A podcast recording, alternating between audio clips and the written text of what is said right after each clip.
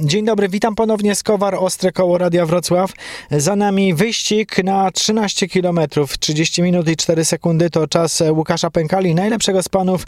Kamila Wójcikiewicz potrzebowała nieco ponad 7 minut więcej, by pokonać ten piekielnie trudny wjazd na przełęcz okraj ponad 1000 metrów nad poziomem morza. Wielu zawodników przyjechało tutaj nawet z odległych zakątków Polski po to, by się sprawdzić.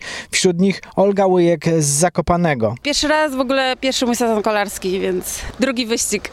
Ja generalnie głównie po górach jeżdżę, bo mieszkam w Zakopanym i mój pierwszy start to był nowy Tark Road Challenge, więc dużo przewyższeń, ale przyznam szczerze, że taki uphill to, to jest wyzwanie, bo, bo będzie cały czas ostra praca i, i będzie bolało, także w zasadzie to ja biegałam biegi górskie i tak jako trening uzupełniający zaczęłam w pewnym momencie stosować, no i złapałam bakcyla, mam fajne trasy na Podhalu, także, także po prostu złapałam bakcyla, zaczęłam mocniej trenować, a teraz przyjechałam na dwa tygodnie na Dolny Śląsk i mam zamiar tutaj po tych zawodach pojeździć na, na tych trasach, także Na szosie? na szosie. Od biegacza do kolarza. To wydaje się, że blisko, ale tak naprawdę nie. To znaczy na pewno macie taką ogólną wydolność i wytrzymałość.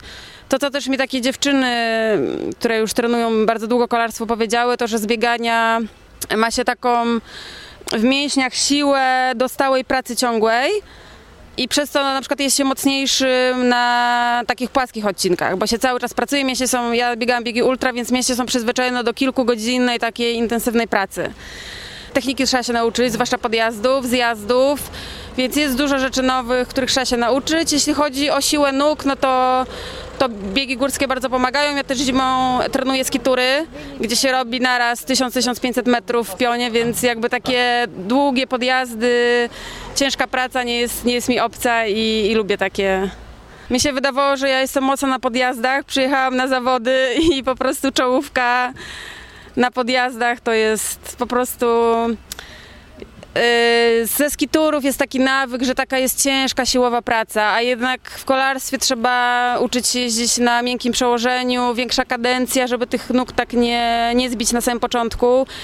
Ja mam taką tendencję do, takiego, do takiej ciężkiej, siłowej pracy i to po prostu bardzo w głowie muszę sobie przestawiać, że to lepiej na wyższych obrotach, a, a mnie te nogi męczyć, żeby siła została na koniec. Także na pewno jest sporo do, do poprawy. No tak naprawdę, nie każdy startujący w wyścigu na przełęcz okraj liczył na to, że w nim wygra, ale wielu startowało po to, by wygrać z własnymi słabościami, by pokazać, że potrafią. Jan Woś przyjechał w tym celu z Wrocławia i dał radę. No nie, nie dałem rady że za późno żeśmy przyjechali, nie? Ja tutaj górki są i nie wiem, gdzie trenażera nie mam.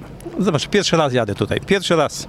Górę trzeba znać, jak to mówią, żeby ją pokonać. Chociaż mi tak ostrzegają, nie napalaj się, nie napalaj się, nie, nie zakwaś, nie zakwaś się. Trzeba mieć siły na koniec, to jest prawda, bo ten wyścig taki jest. No więc właśnie, no, ale to będzie nauczka, jak to się mówi, wszystko się, człowiek się pierwszy raz uczy, nie? Drugi raz, drugi raz będzie lepiej. Proszę Państwa, Kowarski klasyk za nami, ale przed nami mnóstwo rowerowych wydarzeń jeszcze w tym sezonie. Będziemy je relacjonować w programie Ostre Koło Radia Wrocław. Będziemy tam, gdzie są rowerzyści. Będziemy rozmawiać o sprzęcie, o wyścigach, o zawodach, o rywalizacji, ale także o tym, czy rower to jest naprawdę to. Skowar, Piotr Słowiński.